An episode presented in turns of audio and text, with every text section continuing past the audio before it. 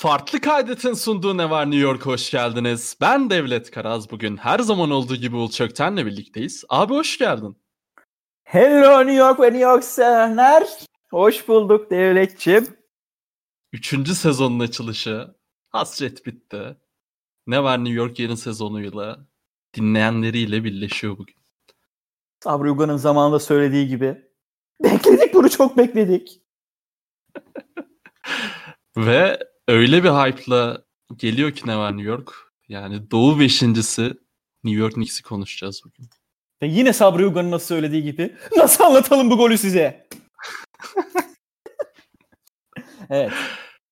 Evet. E, çok fresh bir başlangıç. Hem kafa olarak hem e, keyif olarak hem win record olarak. Ben çok mutluyum açıkçası. Senden böyle birazdan oyunculara, maçlara yani tabii ki her zamanki ne New York stiliyle geçeceğiz. Öyle maç maç gitmeyeceğiz. Ee, ama önce bir böyle düz keyif olarak neler düşündüğünü e, dinlemek istiyorum senden. Çünkü sezon öncesi de podcast kaydetmedik. Hani burada çaylak analizi yapmak için artık e, çok geç sahada gördük oyuncuları. Birazdan Knicks konuşurken değerlendireceğiz de. E, yaz boyu overpaylenen bir ton oyuncu varken bizim e, kimseyi overpaylemememiz. E, Ed Davis hamlesi biliyorsun.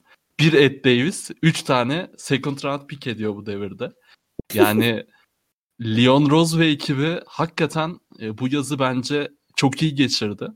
E, neler düşünüyorsun böyle? Keyif olarak senden alalım. Gerisine zaten e, birazdan gireceğiz. Valla keyif olarak bu yani yıllardır hissetmiyorum. Yani en son 2014'te falan hissettiğim falan bir his olabilir bu. Ona benzer hisler yani. O zamanlar dedelerle yaptığımız, yaşlılarla yaptığımız hissiyatı, verdiğimiz hissiyatı bu sefer gençlerle, gencolarla veriyor takım. Buradan Ama da yeri gelmişken Pablo Prigioni'yi saygıyla selamlayalım. Aa, tabii tabii. O zaman yani burada da şimdi dedelerden bir iki tane var. Hatta yeni getirdik Taj Gibson var. O zaman da tabii takıma şeylik yapan, önderlik yapan birkaç tane yaşlı abi de vardı. Taj, şey, Prigioni baba olsun. Jason Kidd olsun. Tyson Chandler olsun ki Tyson Chandler yine geri dönebilirmiş gibi dedikodularda duydum. Ama Evet o o muhabbet biraz ayrı. Ona da geliriz ha, herhalde. Geliriz Haberler ama kısmında. genel olarak hissiyat çok iyi. Yani New York Knicks'in genelde sezonu başlayıp böyle gazla başlayıp MSG'de oluyor ya genelde ilk başlayınca maçta.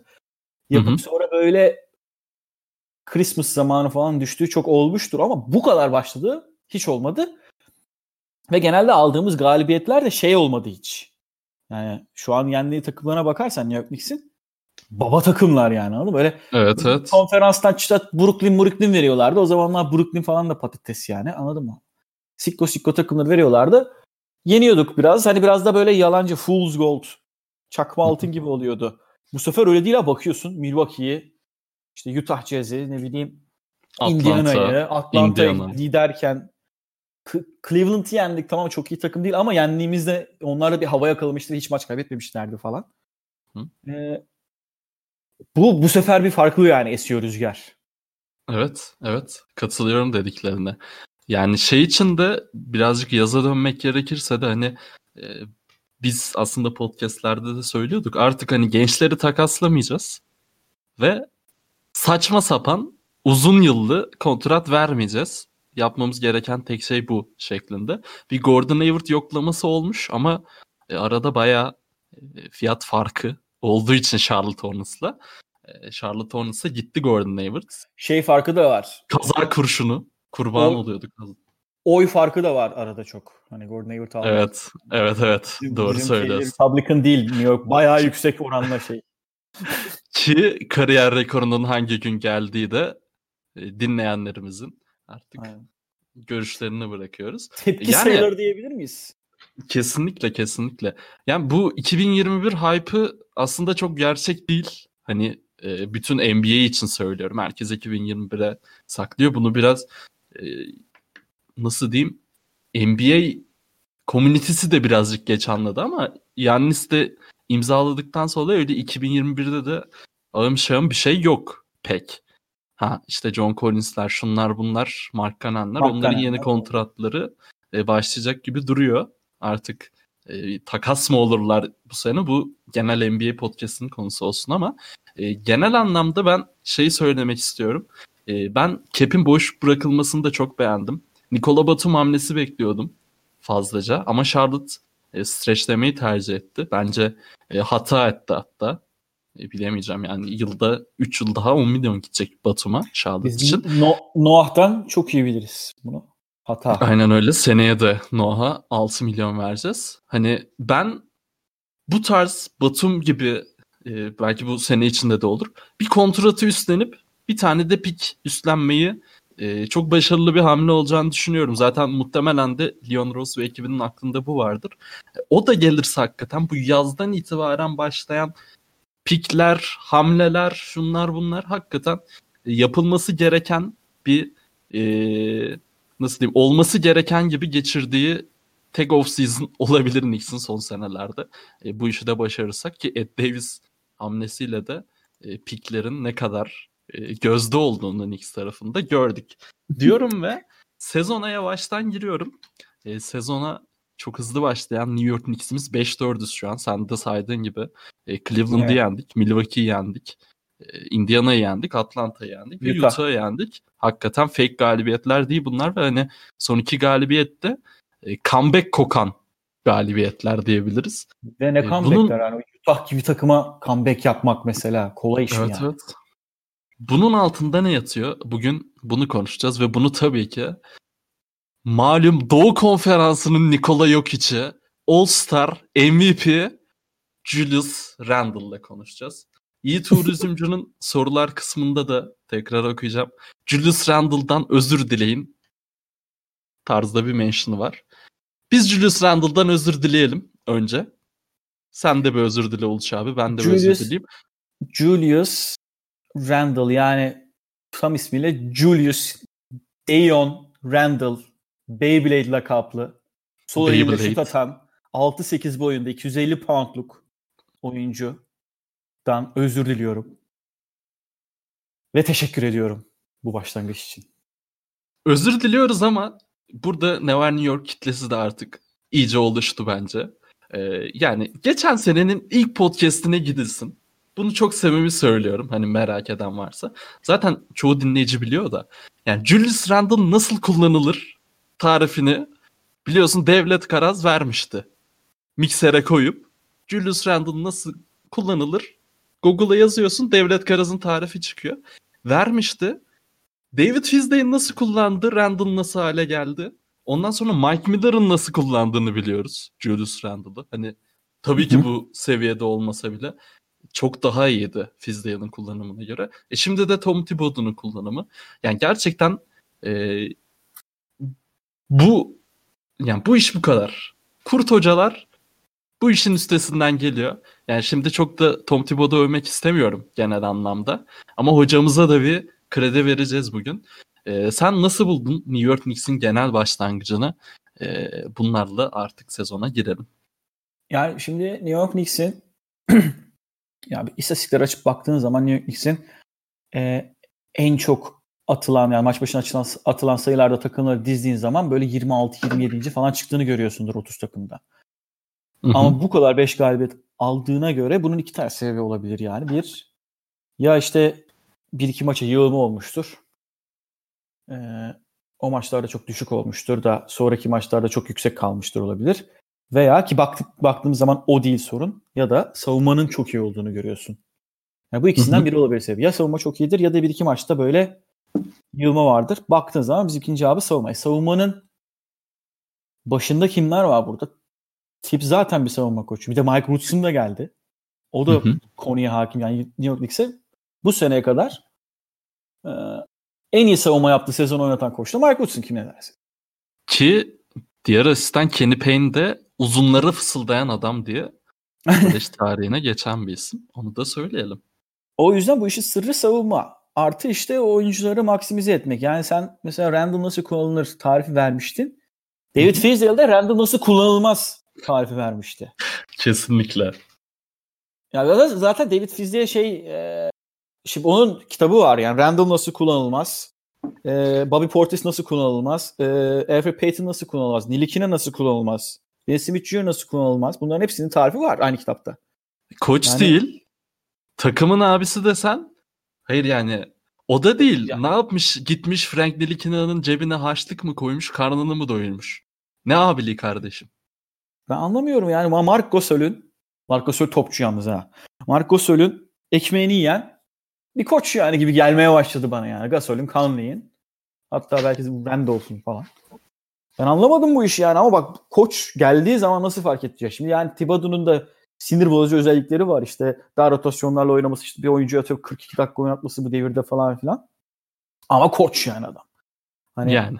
adamın kazanma yüzdesine baktığın zaman hani sürekli şey yaparak da şanslı takımlara da gitmediğini görüyorsun yani. Hani Minnesota'da böyle koçluk yaparken Minnesota batıda 3 oynayan bir takım değildi yani. Onun başına gelmedi yani. Ama Minnesota son 10 senede atıyor, bakmadım şu an ama son 10 senede herhalde bir kere playoff yaptı. Onu da bu.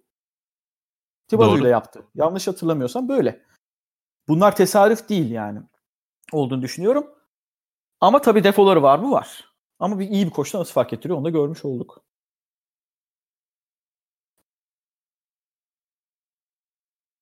Öyle. Ee... E, Julius Randle için ben şunu söyleyeyim. Şimdi Julius Randle neden böyle oynuyor? Herkesin aklında bu soru var. Neden geçen sene böyle oynamıyordu? Neden şimdi böyle oynuyor? Yani olayın en temelini sen söyledin. Gerçekten Tom Thibodeau farkı. E, bu bunun için ama hani böyle bir e, atlı deve değil yani bu Julius Randle'ı oynatma işi. Şimdi Julius Randle'ı geçen sene ne dedik? İlk bu All-Star olacak şöyle böyle derken point forward dedik. Şimdi Fizdale ne yaptı? O da o niyetle kullandı. Ama abi şimdi sen sahaya dört tane oyuncuyu koyuyorsun. Arkadan Randall'ı getiriyorsun. Tepeye Randall'a verip hadi sen bir oyun kur. Aizo'da sayı üretebilirsen üretirsin. Dışarı çıkarsan da basket atarız. İşte e, asist yaparsın. Point forward budur. Fizdale'in tarifi böyle oluyor. Hani şey e, çiziyorlar ya Steve Nash'in playbook'u diye. Kyrie KD shoot. Yani böyle çöp adam resmiyle falan. Gerçekten Fizdale'ın da yaptığı tamamen oydu. Hani topu Randall'a emanet et. Randall bir şekilde yolunu bulur. Hayır abi Randall bir şekilde yolunu bulamaz. Randall nasıl yolunu bulur? Tom Thibodeau gibi high posta topu verirsin Randall'a. Yandaki oyuncuları açarsın. Spacing'i sağlarsın. E, Randall post oynar veya Randall e, işte fe, hani yüzü dönük oynar. Şutunu kaldırır atar. Girerse e, böyle oluyor ki buna birazdan değineceğim. Birazcık şişik olacak çünkü Randall'ın bu istatistikleri. E, ama geçen seneden tamamen farkı e, Randall'ın kullanımında şu abi. E, handoff'larda işte RJ Barrett olsun, Peyton olsun ki Peyton kullanılması yanlış bence burada. Birazdan ona da geleceğim. E, Randall'ı böyle çekinin etrafından da Randall oynasın yapmıyorsun. Hani Randall'ı normal akışta oyunun genel akışında e, vitesi eline vermiş, direksiyonu eline vermiş oluyorsun. Şimdi geçen seneyle bu senenin en büyük farkı bu. Bu sene resmen takım hani hareket ediyor. 5 kişi böyle hani voleybol gibi böyle e, lise voleybolu gibi herkes dönmeli oynuyor bildiğin. Geçen sene Randall'a veriyorsun gidiyorsun. Plan buydu. Yani bu sürdürülebilir mi? Bu bu kadar sürdürülemez. En başta onu söyleyeyim. Zaten bu rakamlar olursa Julius Randle MVP sıralamasında geçecek. Ee, ama burada fake olmayan bazı sayılar var. Birincisi Julius Randle'ın asist sayısı. Bunu illa e, bütün sene Randle böyle asist yapacak diye söylemiyorum ama hani primary ball handler, secondary ball handler dediğimiz muhabbette e, bence Thibodeau böyle küçük ilk beş ayarlamalarıyla işte bence bu en başta Peyton'ı çıkarmak olabilir ki Peyton da çok iyi oynuyor. E, Randall'ı daha fazla aktif hale getirip off-ball'da daha fazla üreten bir takıma evirebilir bu takımı. Ondan sonra veya daha fazla Randall'a post-up yaratabilecek, e, Randall'a double geldiğinde spacing'i sağlayabilecek bir ekibe evirebilir. Özellikle Alec Burks'un da dönüşüyle. Hı hı. Yani e, ben Thibodeau'nun bu planları uygulayacağını düşünüyorum ve geçen seneden de kesinlikle farklı olacağını düşünüyorum takımın her haliyle. E, her halükarda. Bu 5-4 devam eder 18 olur yarın 6-10 olur. Hani bunu şu an öngörmek zor ama gerçekten bir plan var ve Julius Randle'da e, böyle kullanılmaya devam edecek kesinlikle. Bir küçük bir şey daha söylemek istiyorum, eklemek istiyorum bu dediklerini. Bütün dediklerine katılmakla beraber çok küçük bir çok küçük pay olmasın. Bir, bir payı da Julius Randle kendisine de kesmek Tabii, lazım. tabii. Yani inanılmaz zayıflamış mesela. Her sene fiziğini yani bu spor salonu hastası falan sanırım. Her sene fiziğini geliştiren bir oyuncu zaten inanılmaz bir şekilde. Ve yine inanılmaz böyle oyuna nasıl daha çok adapte olabilirim tarzı ne yapması gerekiyorsa yapmış. Müthiş çakı gibi gelmiş yani. Adam böyle yani kimleri ya Doncic'i falan da gördük yani bu sene. Salıp gelen bir sürü adam var ama hiç Randall öyle değil yani. Yani Julius Randle mesela top kayıp e, muhabbeti bu sene de devam ediyor. Ama geçen seneki top kaybıyla bu seneki top kaybı çok çok çok farklı abi. Geçen sene top sürüp elinden kaçırıp böyle steps yapıp bayağı hani sağ elinden crossover yaparken topu karşıya verip e, öyle şişiriyordu top kayıplarını. Bu sefer pası gitmiyor mesela. İstediği yere atamıyor veya e, yine geçen seneki gibi kötü tercihlerle ama genel anlamda pasla veya işte boş yere e, kat etmelerle, boş yere drive etmelerle veriyor topu. Cidden top kaybında bile kaliteyi arttırdı Julius Randle. E, bu da tabii ki bahsettiğimiz nedenlerden kaynaklı. E, şeye geleceğim. RJ Barrett'a gelelim. Şimdi önce bir üst segmentleri eleyelim. Sonra takımlara, e, takıma genel bakışa tekrar geleceğim. RJ Barrett topçu. RJ Barrett %10'la atarken de topçu olacağını söyledik. Çünkü RJ Barrett'ın e, diğer oyunculardan ayrılan, diğer geçen sene işte diğer çaylaklardan ayrılan hani faul alıp potaya gitme muhabbeti ve bunu gerçekten bir sanat gibi yapması. Şimdi bu sene yine aynı şeyler var. Beğenmediğimle başlayacağım. Jül, şey, RJ Barrett'ın şut stili biraz daha bozulmuş. Ben onu söyleyeyim. Kimse şut antrenörü lütfen bu adamı değiştirin. Bu adam geçtiğimiz senelerde de bazı oyuncuların şutunu oynadı ve şutu daha da kötüye gitti. Yani tek negatif şey RJ hakkında bu abi. Sen ne düşünüyorsun RJ hakkında? RJ Barrett'ın iki tane şeyi bir tanesi düzeltmesi lazım, bir tanesi de maksimize etmesi lazımdı sezona gelirken. Çünkü onun haricinde çok fazla şey yoktu yani. Defosu yoktu. Birincisi şutu zaten. Ee, ikincisi de şu. En önemli özelliği neydi RJ Barrett'ın? Müthiş bir şekilde potaya gidebilmesi değil mi? Yani rookie sezonunda da olsa. Hı-hı. Maç başına 5 faul.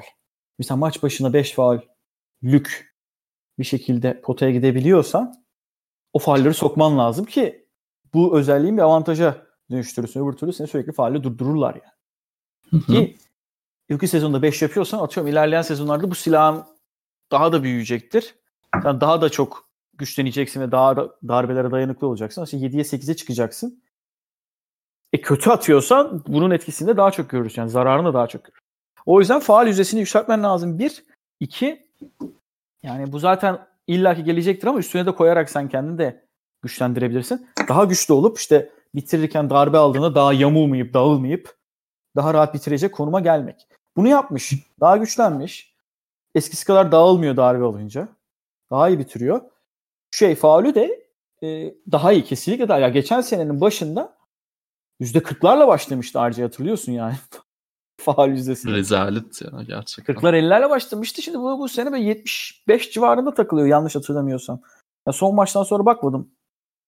Ama hemen bakayım. E bu, bu, bu, bu, iyi bir gelişim. Zaten ne olacaktı? 85-90 olacak hali yoktu. Hı hı. Geçen seneden sonra. E, 72'deymiş şu an.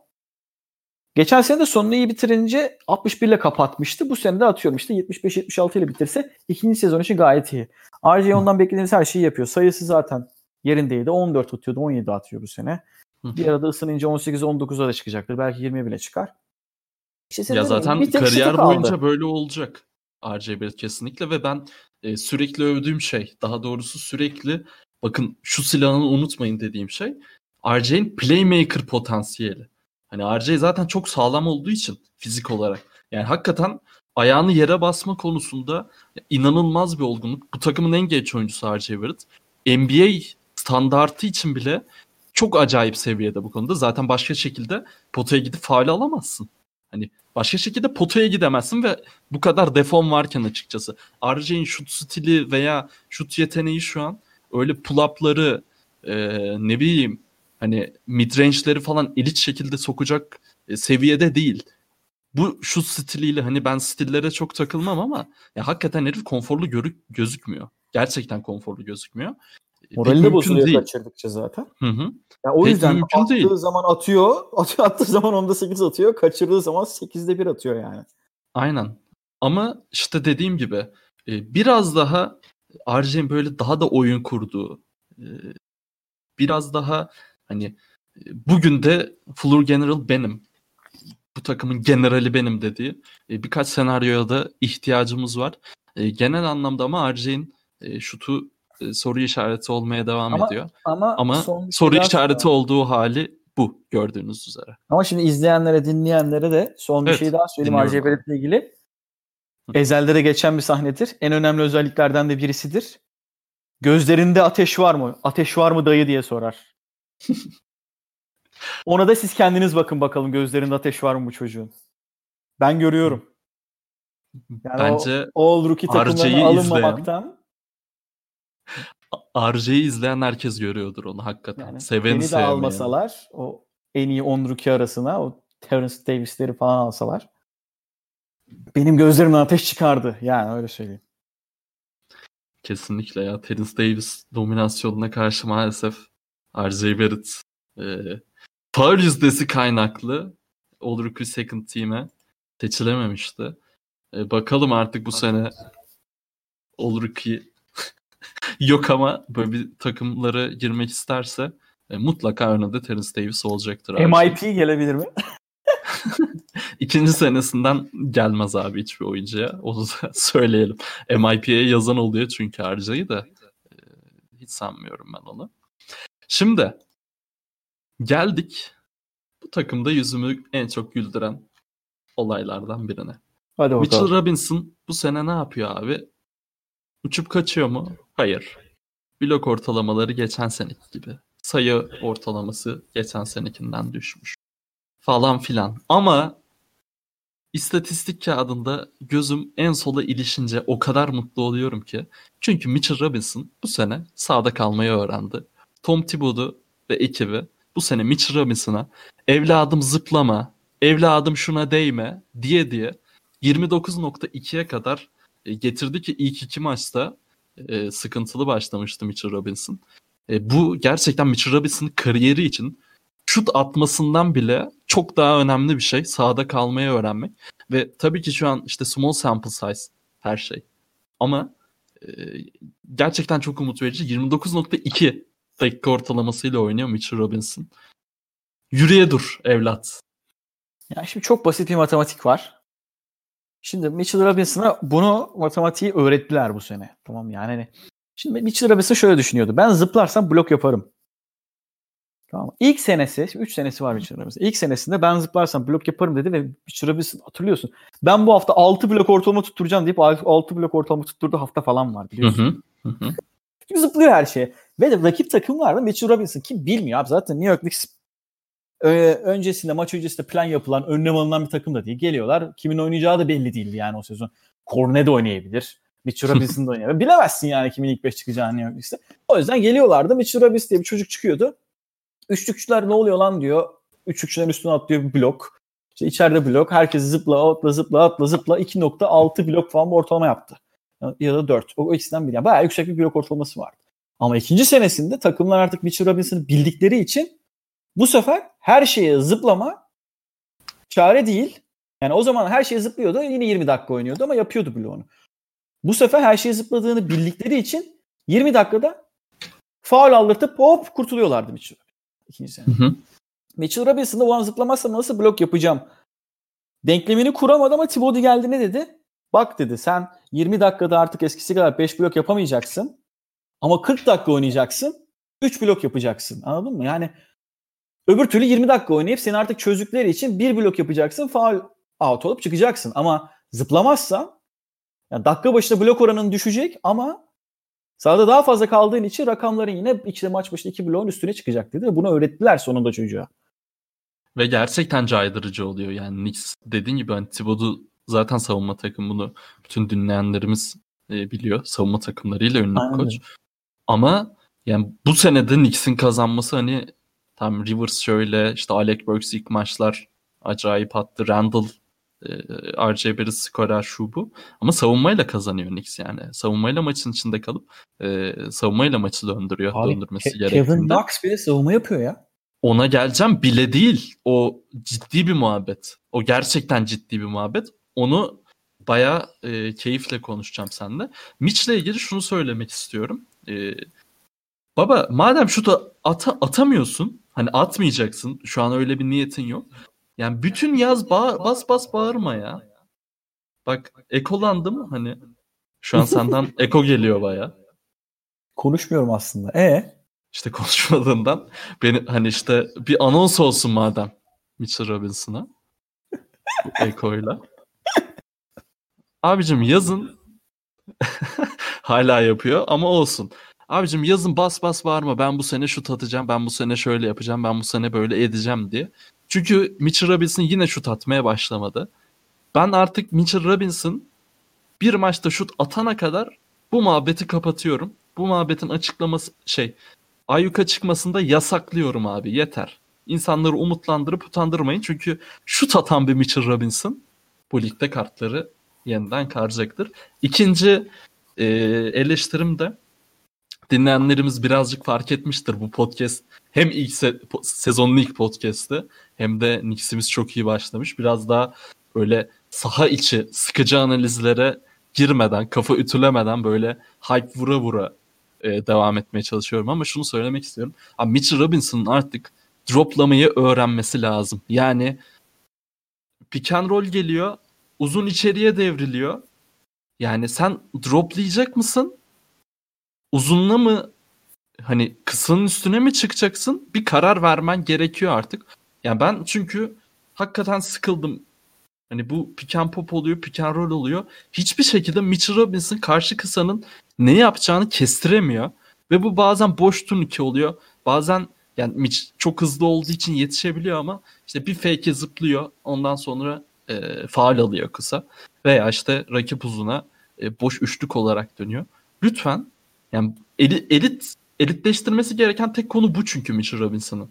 Yani rim proluk konusunda yetenek olarak bir problemi yok. Post savunması konusunda bir problemi yok. Hız konusunda bir pro- problemi yok. Ayağı çok çabuk. E artık hani biraz daha pozisyon bilgisine lütfen Mitch'im önem verelim. O da daha 3. senesinde bunları tabii ki öğrene öğrene e, geçecek. 22 yaşında kral. E, ama bunu da söylemek istedim kendisiyle ilgili. Diyoruz ve e, New York Knicks'imizin bu çıkışındaki en büyük pay sahiplerinden biri son özellikle son 3 maçta. Austin Rivers. Sezonun en iyi kontratlarından biri biliyorsun. aman ya Rabbi iyi ya. Şey bana Alfred Payton falan konuşturacaksın sandım bir ara. Yok yok. 3 yıl 10 milyon.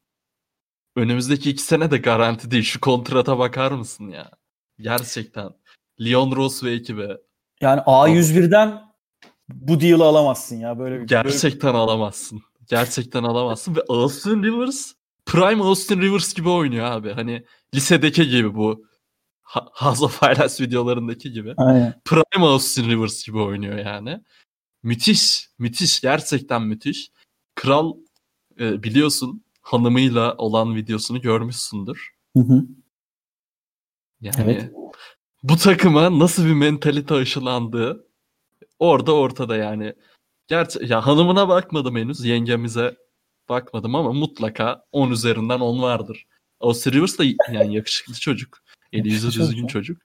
Ama hanımıyla ilgilenmek yerine hani bunu da çok tasvip etmiyoruz şimdi dinleyenlerimiz mutlaka hanımlarıyla ilgilensin. Ya Sevdiği şey hanımlarla ilgilensin. şöyle bir olay Ama var. diyor ki ben diyor idmana gideceğim diyor. Thibodeau hoca bekler diyor. Bu sene diyor çok farklı diyor. Knicks diyor çok farklı diyor.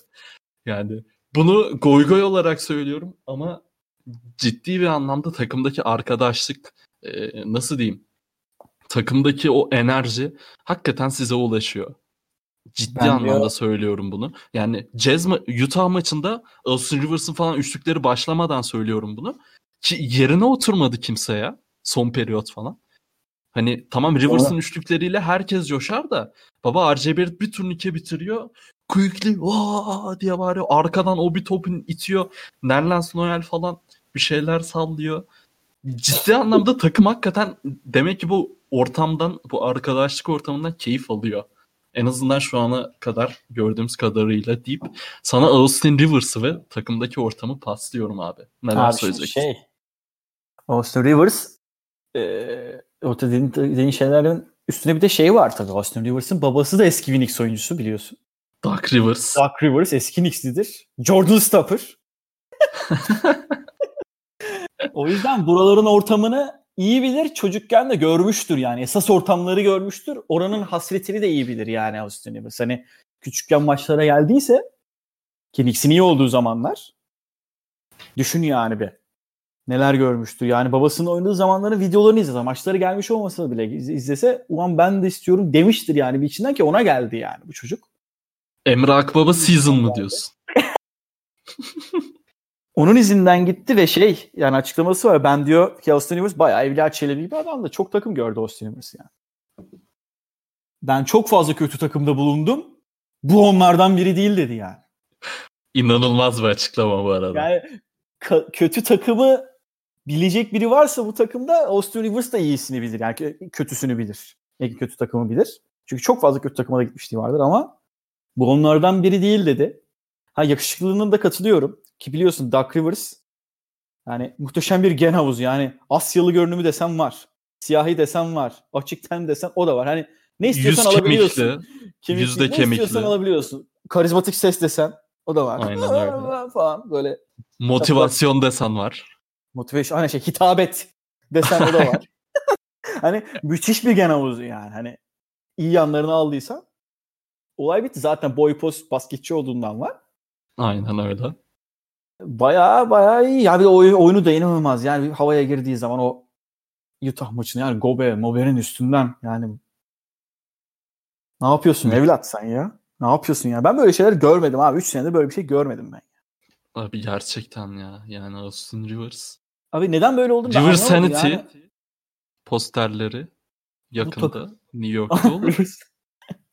Yani hani hype şimdi iki yüzle podcast yapıyor gibi olacağız ama bu hype yanımız e, hype yanımız ekolu geliyor yine.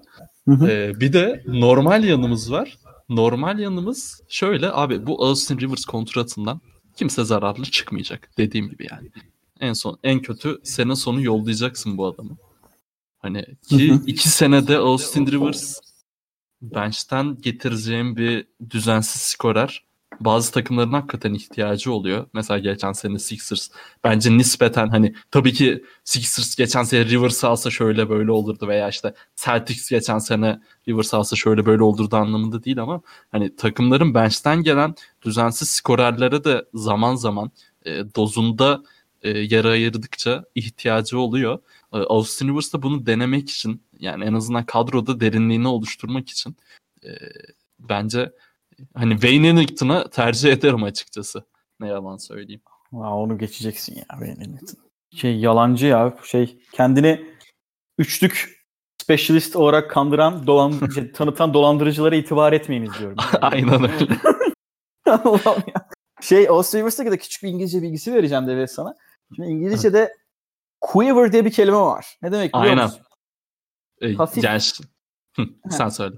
Böyle hafif keşkül titretmesi gibi düşün. Böyle seste bir titreme olduğunu düşün. Tamam? Mesela Nilikina Middleton üzerinden üçlükleri basarken en sonunda bang'i patlattı ya Mike Breen. Mike Breen. O bang'de bang diye bir hafif titreme oldu. O titremelere, küçük titremelere böyle zevkten, heyecandan olan gelen küçük titremelere verilen tabirdir yani quiver. E hangi iki isim birleşimi quiver yapıyor bizim takımda? Ya ya. Emmanuel Quickly draft'ın Tyrese Maxey ile birlikte stillerinden biri. Emmanuel Quickly, Quiver, Quivers Quiver. ve bayağı iyi anlaşıyorlar. Gerçekten Aynen bunu Aynen hani öyle. hem isim e, yani lakap olarak uyuyorlar hem de gerçekten yani girdikleri an e, saha genişliyor Knicks'te ve çok daha böyle e, akıcı bir oyun oynanıyor.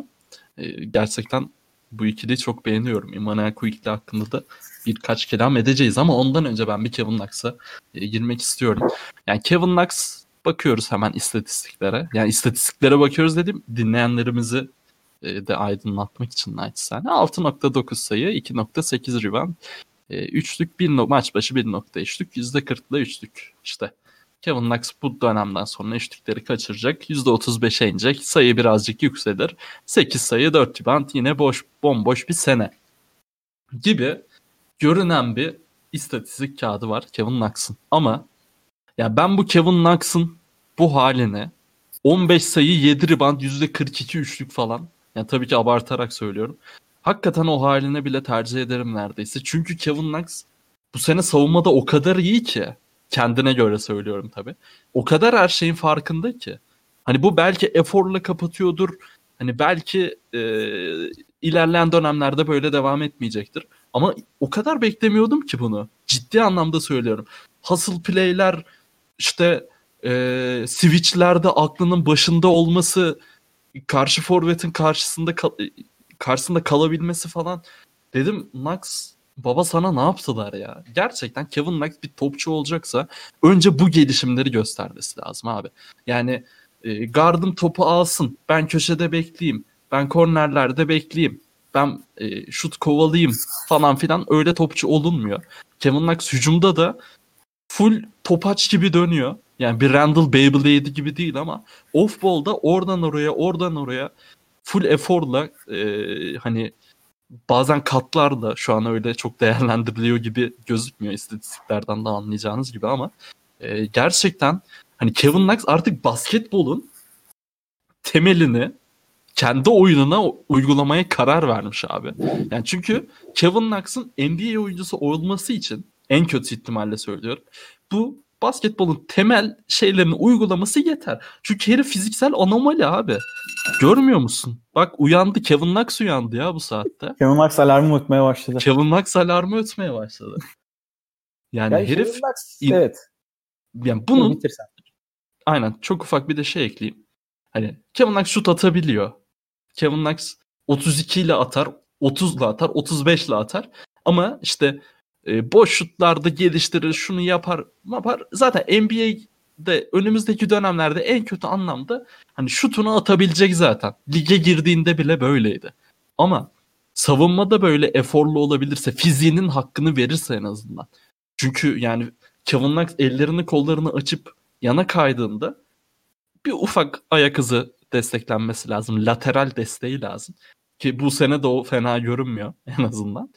Ee. Yani Kevin Knox bir NBA oyuncusu oluyor otomatikman zaten. Yani Kevin Knox'ın bu sene bu iki senedir e, sergilediği performans kendine ayıp. Kendi fiziğine, kendi yeteneklerine İhanet. demeyeyim. Gerçekten ihanet. Kesinlikle ihanet yani.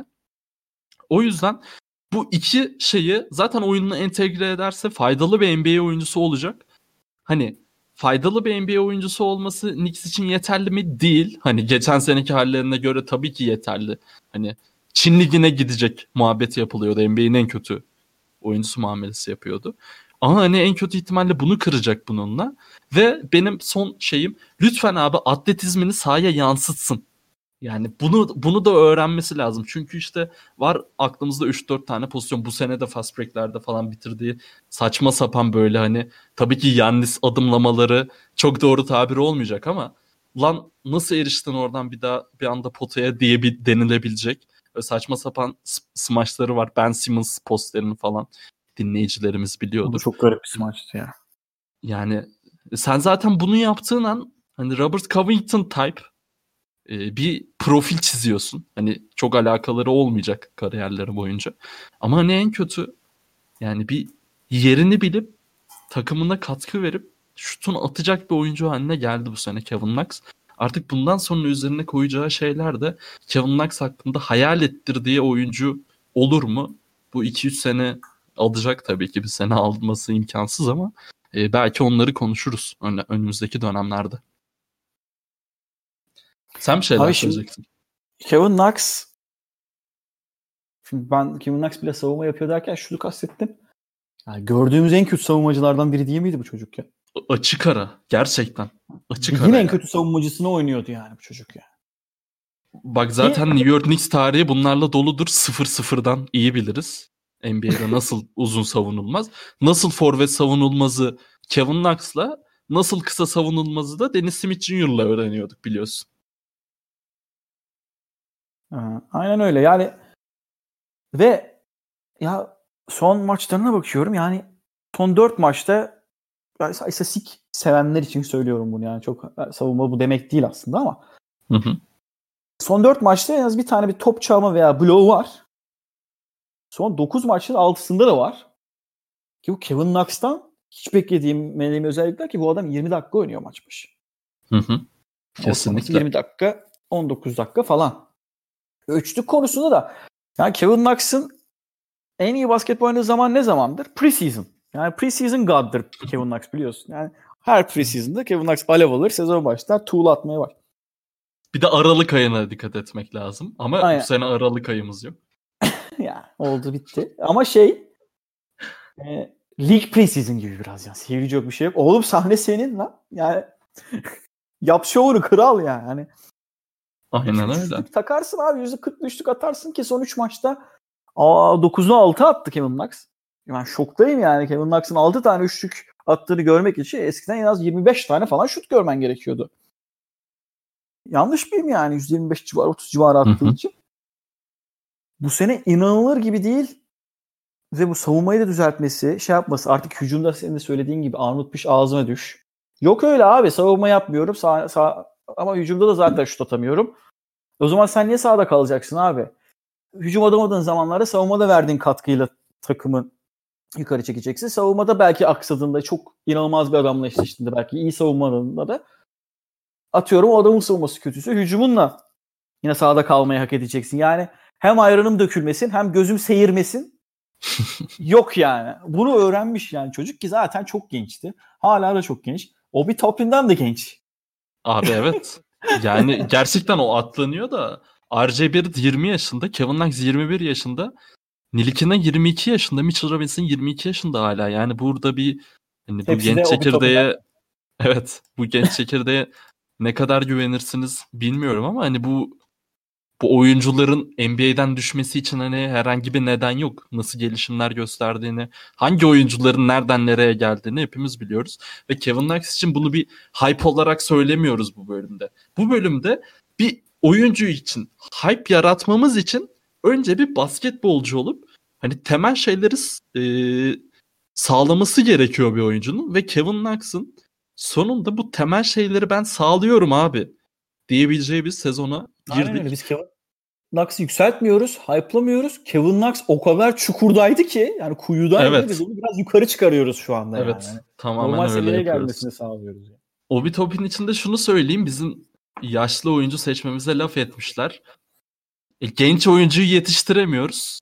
Olgununu alıyoruz ki katkımızı alalım diye okurum abi, ben Obitopin seçimini. Abi ben de Obitopin seçimini şöyle okurum.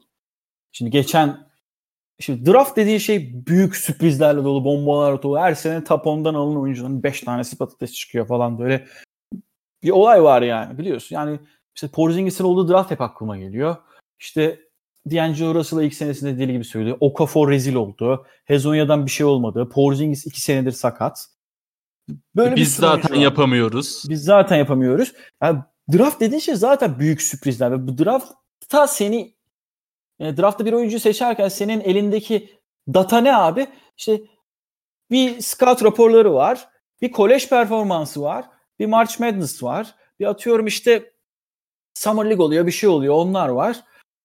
E, draft Combine var. Ulan hiçbiri yoktu bu sene. Öyle değil mi? Evet. Yani sen yoktu. hiçbir, hiçbir oyuncuyu gidip March Madness'ta izleyemedin. Hiçbir oyuncuyu normal sezonda da tamamen izleyemedin. E, Combine'la yapamalı. Saçma sapan bir şey yapmışlar. Ne olduğu belli değil. Hani ya Chris Brickley'nin videoları var yani bir tek elinde. Başka da bir şey yok. O adam da kandırıcı, dolandırıcı adamın teki yani. Gerçekten. Ezel'deki yani, Cengiz değil mi lan bu diyorsun videolarını izleyince. aynen öyle yani. Elinde hiçbir şey olmayan bir draftta senin gidebileceğin iki tane çok güvenli yani güvenli değil de risksiz yol var. Bir, ben bu sene oyuncuları izleyemedim. Ama önceki senelerden bildiğim yani yaşı büyük topçu almak ki o bir topin böyle bir seçim. Çünkü yani hiç bilmediğim bir adamı alıp böyle hiçbir, hiçbir şekilde de izlemeyip elinde sample olmadan bir adam almıyor. En azından bir ne aldığını biliyorsun yani. Konferansın iyi oyuncusu seçilmiş, edilmiş. Hı hı. Patlama olasılığı çok düşük. Bir bu. İkinci yol ne? Gideceksin en taşaklı okullardan. Riske en düşük okullardan oyuncu alacaksın. Kim bu okul? Kentucky. Yani Kentucky son 10 senede bir tane patates oyuncu çıkarmıştır. O da bize çıktı zaten. Yani bir de Malik Monk var ki ben de Ha, Malik Monk'un. Malik Monk'un bir yerde New York Knicks forması gi- giymesi gerektiğini düşünüyorum. Hala bir ulan acaba olur mu bundan? En azından bir bench skoreri. Sağlam Aynen bir bench skoreri de- dedirtiyor bana yani. Bir de mesela reachmiş. Hayır abi. Yapılan hamle çok doğruydu draftta. Çünkü sen Kentucky zaten çok iyi gidiyordu normal sezonda. March Madness şu bu olsaydı o Quickly'ler, Tyrese Maxey'ler falan şu an seçildikleri yerden değil. Muhtemelen Maxey işte onların başından işte Quickly de onların sonundan falan seçilecekti zaten. Hı hı. Ee, gidip bizimkiler ne yaptı? İşte Quickly 20'lerin sonunda, Maxi de 20'lerin başından seçilmiş oldu ki bence çok iyi hamleydi ikisi de. E şimdini kim konuşuyor? Dün, dünden beridir herkes Tyrese Maxey konuşuyor. Knicks'ler de Quickly Quickly diye bas bas İki gün bağırıyor. önce de Quickly konuşuluyordu. Aynen öyle yani. Çok çok çok çok zekice hamlelerdi ya. Ben kesinlikle katılıyorum. Yani hani Obi Toppin ya ben Tyrese Halliburton diye bas bas bağırdım. Hani bunu sen de biliyorsun. Hani. Killian Hayes, Killian Hayes e, kalmayacaktı bize zaten. Yani Killian Hayes ya da Tyrese Halliburton almamız lazım deyip son iki haftada özellikle Tyrese Halliburton'a rotamı hem yayınlarda hem Twitter'da çevirmiştim. Zaten Tyrese Halliburton çatır çutur oynuyor. E, ama Obi Toppin de 8'de eline düşmüşken bu kadar hype'la birinci sırayken e, işte ikinci sıradan, üçüncü sıradan hani net gösterilirken o bir topun eline düşmüşken ve hani tanıdığım bir oyuncuyken biliyorsun CIA hem o ayrı hem de e, Evet. Leon Ross abimin Şey, Ajans. menajerlik ajansın topçusu. E, bence yani kesinlikle denenir ve kesinlikle mantıklı bir e, Ki daha bir şey oynamadı yani. Belki de oynayacak Halliburton kadar bilemezsin. Tabii tabii tabii. İmkanı yok böyle kötü bir değerlendirme yapmanın. Şöyle yani Obi Toppin'de ben şey e, Obi Toppin hype'ı yine ekolu geliyor. Ee, Obi Toppin e, şey böyle Marcus Morris'in Rim Runner uzun versiyonu şeklinde bir e, şey yapmışlar. Nasıl diyeyim? Kas, e, öyle tanımlamışlar diyeyim. Ben katılıyorum biraz ona. Çünkü Obi Toppin kendi kendine şutunu da yaratabilecek. E, pick and roll'de runner da olabilecek. Ve hani ara ara yalan savunmalarla böyle sağlam blok istatistikleri tutturma potansiyeli olan bir oyuncu. E, bu Julius Randle'da ne kadar üst üste binecek e, göreceğiz. Obi Toppin'le ilgili şunu söyleyeyim. Abi adamın ensesi yok.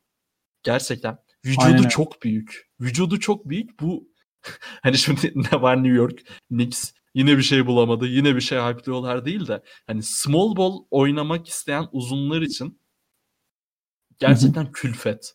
Hani çünkü vücudu çok uzun. Sonuçta vücudun çarpışıyor rakip uzunlarla. Ee, o yüzden Obi Toppin hani ol, ben hiç o tarz böyle bir savunma evrimi yaşayacağını düşünmüyorum. Çünkü çok tembel bir savunmacı olarak geliyor lige. Ama hani e, böyle modern şeylerde de denenebilecek bir oyuncu olduğunu düşünüyorum ben kesinlikle Ama hep Toppin'in. üstüne Hakikaten dev yani. Aynen. Hep üstüne E, bakalım. Tuzu, tuzu kuru takımlarda oynadı yani. Hep olduğu takımlarda şey yaptı. Şeyi de Tips Hoca. söyleyelim. Boynunu ben merak edenler varsa şöyle anlatalım biz şu an burada. Harrison Barnes'la Obi Toppin'i toplayıp ikiye bölerseniz normal bir oyuncunun boynuna oluşuyor. Boyun. Tamamen öyle oluşuyor cidden. Bir küçük kelamdan açsane Emmanuel Quickly ile ilgili edeyim. Yani Quickly e, zaten ben Quickly'nin 4-5 tane maçını izledim tamamen. E, Zaten o izledikten sonra Tyrese Maxey ile Quickly hype'ı zaten izlemeden de vardı. Kalipari efekt sağ olsun. Herif gerçekten elindeki skill setleri yok etme konusunda e, üstüne tanımıyorum. Yani Bam Adebayo'dur, Tyler Hero'dur, Devin Booker'dır, Keldon Johnson'dır. Ee, hani PJ Washington'dı. PJ Washington'dan Charlotte bir modern e, uzun yaratıyor şu an.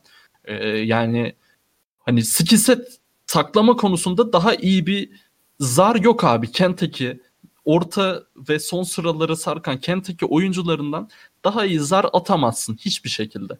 Abi Emmanuel Quickly'nin zaten geçen sene Kentucky'de kullanımı off ball'da genellikle köşe şutu, köşe şutörü olarak bazı setlerde ve çocuk çıtır çıtır şut sokuyordu. İnanılmaz bir şekilde. Asla faal kaçırmıyor. Eline gelen e, hücumları öyle yormuyor. E, ciddi anlamda ve şeyde topsuz oyunda e, çok akıllı bir oyuncu olarak benim gözüme çarptı. Ama bu akıl biraz daha hani e, nasıl diyeyim 15-1-1 type oyuncular vardır ya bilirsin. Kısalarda da öyle. E, bir tık öyle mi dedirtti bana.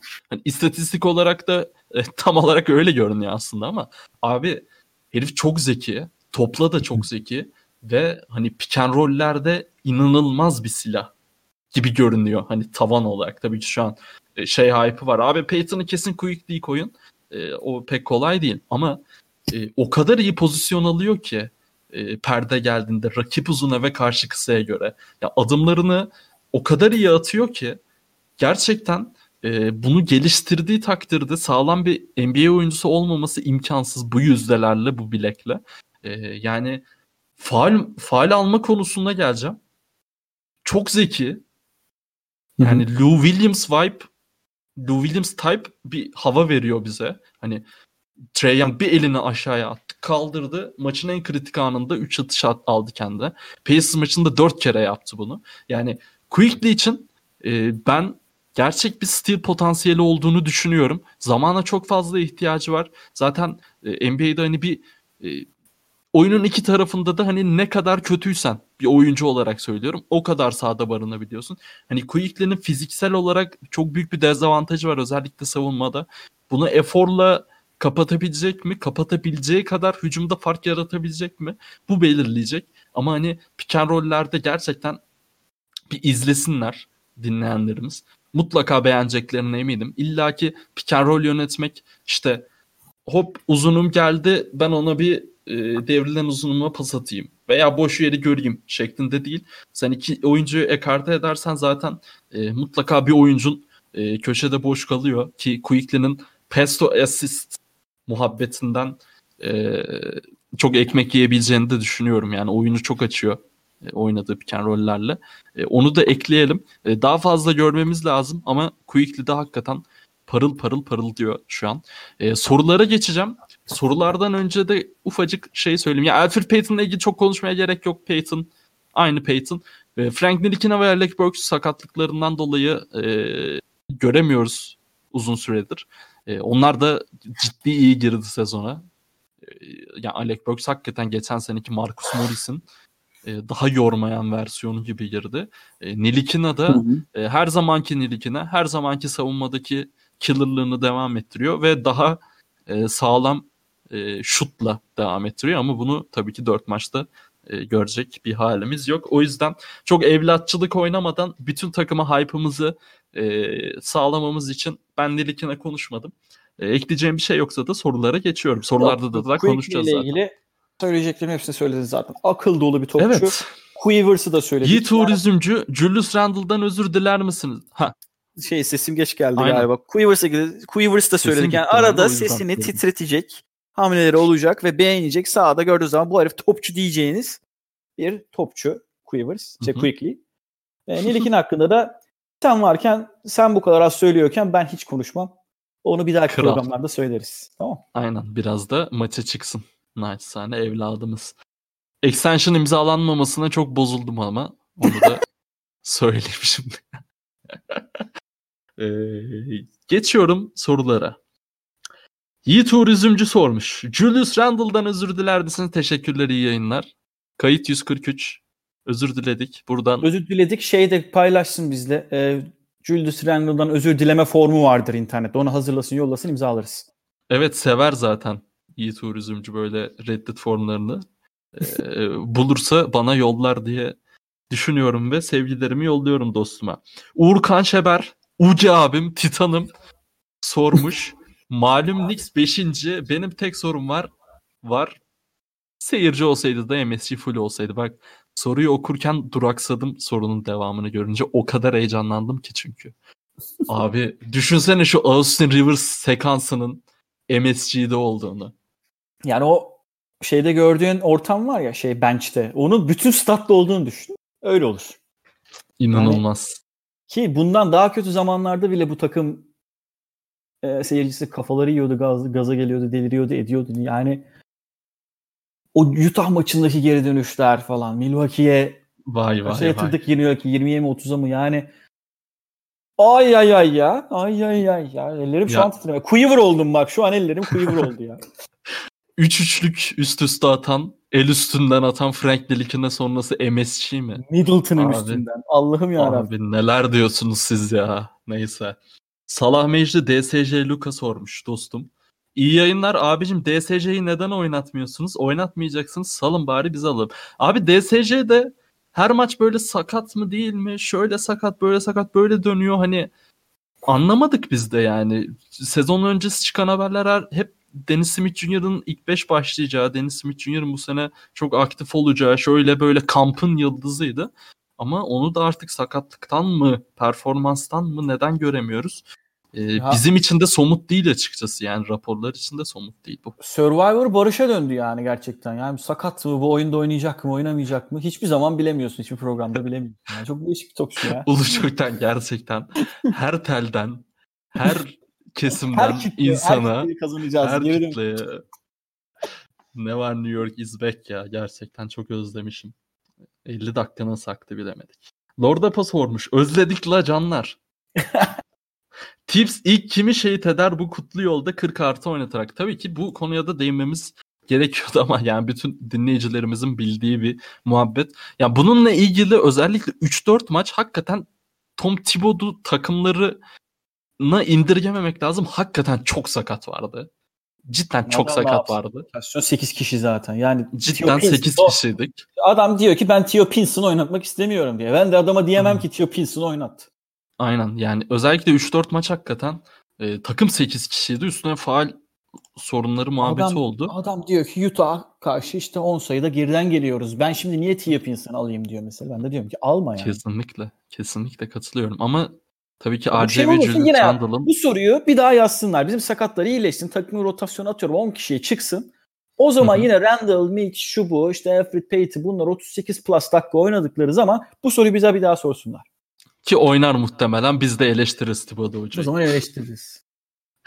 Ee, özellikle Randall başta olmak üzere bu Kentucky kökenli oyuncuların yükselişini Kenny Payne'e bağlar mıyız? Ee, abi Kenny Payne gerçekten ee, yani uzun whisperer kral. Ee, o hype'la ve Kentucky'den gerçekten çok iyi oyuncu gelişiminde çok iyi ve çok aktif bir koç olarak gördü. Ve bunun meyvesinde hakikaten e, Kevin Knox'ın savunma muhabbeti olsun. Julius Randle'ın GOAT muhabbeti olsun.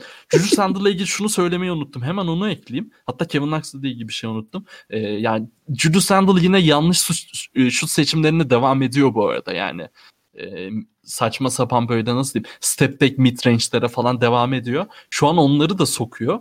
Onları sokamayacağı dönemler gelecek. E, o yüzden bundan kesinlikle daha kötü olacak verim olarak da. Ama e, yani genel anlamda zaten Randall'ı anlattık. Kevin Knox'la ilgili şunu söyleyeyim. Bütün sayıları şey asist üzerinden geldi tamamı. E, Evet. Yani katlarıyla ilgili de onu e, eklemek istedim. Tips bazı gençleri Westchester'da oynatmayı düşünüyormuş.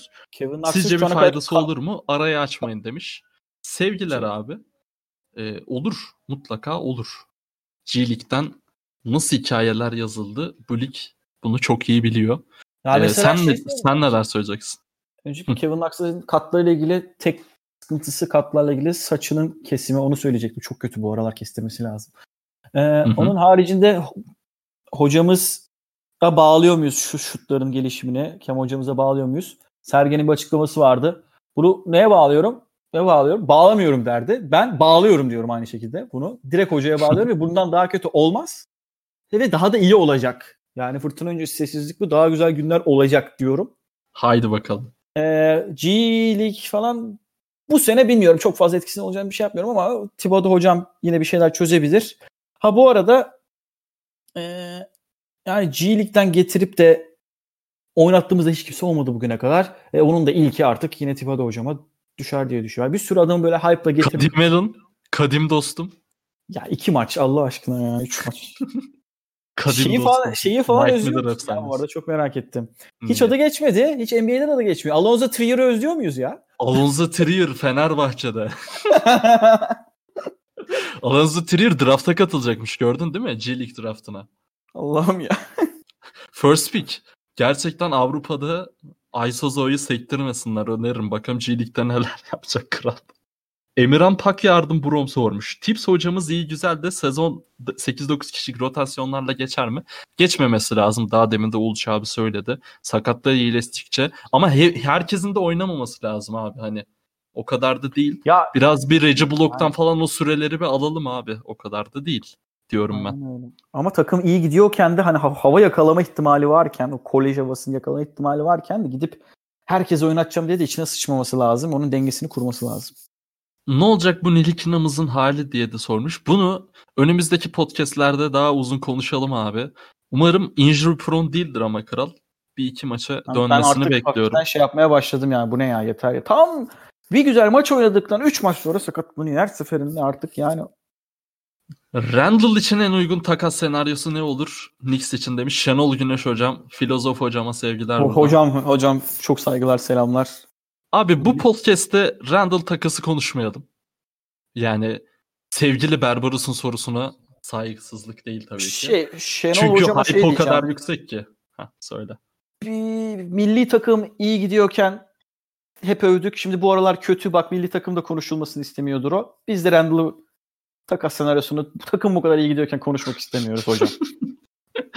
Ee, Port FC Land sormuş. Babalar playoff gelir mi be yıllar sonra? Olur mu be? Hayat neden olmasın abi? Play'in de var. Play'in var. Play'in. Play'in. Fed'in Fed'in sorusu da var. Orada geleceğim bu soruya tekrar. Hayat neden olmasın diyorum. Mustafa Uzun sormuş. Takımda performansının bu kadar yükseleceğini beklemediğiniz oyuncu kim? Ee, yani Kevin Knox'ın savunma muhabbetini hakikaten hiç beklemiyordum bu şekilde.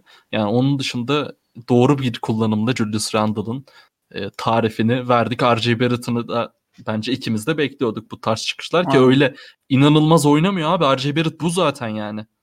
Yani önceki takımdan kalan zaten 3-5 kişi var ve bunların bazıları yarısı sakat. Kalan da 3 kişi var. E, Peyton zaten standart oynuyor. Randall beklenir gibi değil. Hakikaten çok şey oldu. Knox'ın savunmasında şey var. E, RJ de bekleniyordu o yüzden. Yani bu soru cevabı ya Randall olur ya Knox'ın savunması olur. Ben de Randall deyip katılıyorum sana. Tips aranan kan mı onu artık göreceğiz. Şimdi takım iyi gidiyorken yani Tips hamlesinden çünkü çok memnun değildik ama NBA koçu olduğunda e, Ama biliyorduk de yani. bilen, bir- Knicks'i de bilen bir Aynen. koç aynı Aynen öyle. Gundy'nin Ali. Ali Uygar Çayak Randall adamsa New York'u şampiyon yapar demiş. Haklı abi. Bakalım belki o, ufukta o da vardır. Diyelim Ya, Fed Fed Hı. Play'in maçlarında karşınızda kimi istersiniz hocam? Buyurun sohbete demiş. Evet. Söyleyeyim Kim? mi? Söyle abi. Brooklyn Nets mi? Brooklyn Nets.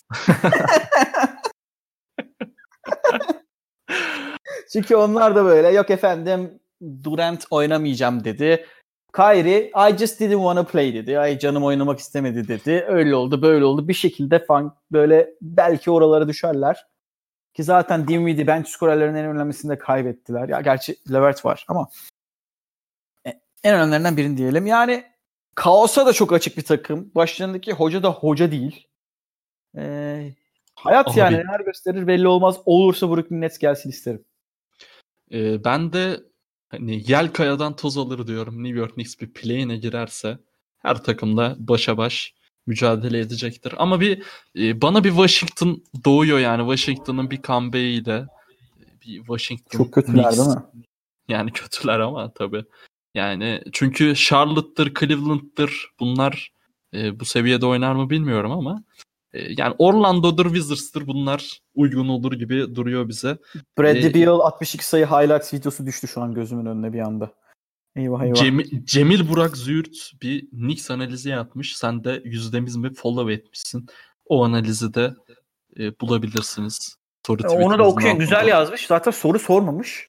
Evet. Analiz analiz. yazmış. Ee, Züğürt Cemil Burak galiba yazınca çıkıyor. Güzel birisi birinden yeni bak hiç görmediğim mesela bizim soru soranları genelde tanırız biliriz. Yeni bir arkadaş. E güzel böyle yeni yüzler görmek güzel ya. Tabii ki. Tabii ki. Daha da iyi olacağız. E, ve son soru Fıstıkçı Şahap sormuş. Sezon öncesi Thibodeau'nun Dennis Smith Jr. beğendiği tarzda bir şey okumuştum. Sizce sezon ilerledikçe onu rotasyonda görecek miyiz? E, bahsetmiştim abi. Sezon ilerledikçe rotasyonda görür müyüz? Rotasyon nasıl olur? Şöyle böyle. O kadar kestiremiyorum ki. O yüzden hatta bu podcast'te hiç ahkam kesmedim. E, ama şunu hemen ufakça söyleyeyim. Ben Alfred Payton'ın ilk 5'ten çıkarılıp kötü olduğu için söylemiyorum. Bir şekilde artık e, Rivers'tır, Nilikina'dır. Nilikina bence o konuda çok uygun. Hem Randall'ın e, oyun kurma açısından hem de işte off-ball'daki etkisi açısından. Rivers'ta işte bahsettiğim muhabbetlerden, spacing'den dolayı. Peyton'ın ikinci beşte Obi Toppin'le e, daha çok Jim şey pick and roll'lerle işte Kevin Knox'ın dış şut tehdidiyle falan öyle bir second unit benim aklıma daha çok uyuyor. E, tabii ki Obi Topin bench'te olsun diye değil ma- maçı bitireceğimiz beşleri ayrı ayrı ilerleyen podcastlerde konuşuruz. Ama ben bir şekilde Peyton'ın bench'e çekilip e, Obi Topin'le birleştirilip daha farklı bir oyun oynanması gerektiğini düşünüyorum. İkinci soruya da geçiyorum. Sana da soracağım bu arada. Bir de playoff yapabilirsek eğer takıma eklenmesi gereken oyuncular kimler olabilir sizce? E, teşekkürler iyi yayınlar demiş. Yani biz böyle bir playoff IP ile falan gidersek herhangi bir all-in yapacağımızı düşünmüyorum bir oyuncuya. Yani şimdi de hangi oyuncuları olabilir? Yani bir, belki bir stretch five e, fena olmayabilir. Hani şu takım playoff yolunda gidecekse hani bir eksik olarak bakıyorum. Bir delici guard bir de bir stretch five tip olarak söylüyorum bunu. E, bakalım. E, senin eklemek istediğin şeyler var mı abi? Son bir cümle söyleyeceğim. Bu New York Knicks taraftarları da akıl ayık olsunlar diye. Bu aralar bir ortalıkta dolaşan Clyde Baba'yı bir linç etme kampanyası var. Bu oyunlara gelmeyin. Walt Baba bu takımın e, şeyi de değeri çok büyük değerlerinden biridir. Game 7'de ilk şampiyonluğunda bu takımın 7. maçta 36 sayı, 19 asist, 7 rebound yapıp tarihin ilk büyük üçlerinden Jerry West, Chamberlain, Elgin Baylor'la Lakers'ı yenmemizi sağlayan adamdır. Bu adam isterse yorumcu olarak hiçbir şey yorum yapmayıp ana bacı bütün oyunculara da söyleyebilir. hiç, hiç, hiç, hiç New York'un değeridir. İstemeyen gitsin resmi kanaldan izlesin. Resmi yayını izlesin. Ya da gitsin yabancı takımın kanalından izlesin. Yedirmeyiz. Ve yorum olarak da gerçekten bunu objektif söylüyorum. Hani bence dinleyenlerimiz de objektif bir şekilde daha keyifli bir ikili kaç tane vardır? Maksimum bir tane iki tane sayar. Bence yok. Bence de yok. Bence bomboş bir linç yani. Kesinlikle katılıyorum sana ve ilk podcast'imiz, Hype podcast'imiz sağ içine çok girmedik. Hype'ı vurduk. Yine de sağ içiyle dertlerimizi de anlattığımızı düşünüyorum ben. Nix'imiz daha iyi oldukça bu podcast'te daha hype'lı olacaktır umarım. Yaklaşık bir saat tertemiz bir kayıt. Abicim çok özlemişim seni de. Yani sanki günde 10 saat konuş, konuşmuyormuşuz gibi ama podcast tabii ki farklı oluyor. Iconic Duo. Ee, devam edeceğiz bu podcastlerimize tabii ki. Ne var New York 3. sezon? E, dinlediğiniz için teşekkür ediyoruz. Bir sonraki bölümde çok da arayı açmadan görüşmek, buluşmak üzere. Uluç abi ağzına sağlık. E, senin sen de. senin vedanla kapatalım bu podcast'ı. E hoşça kalın. Hoşça kalın.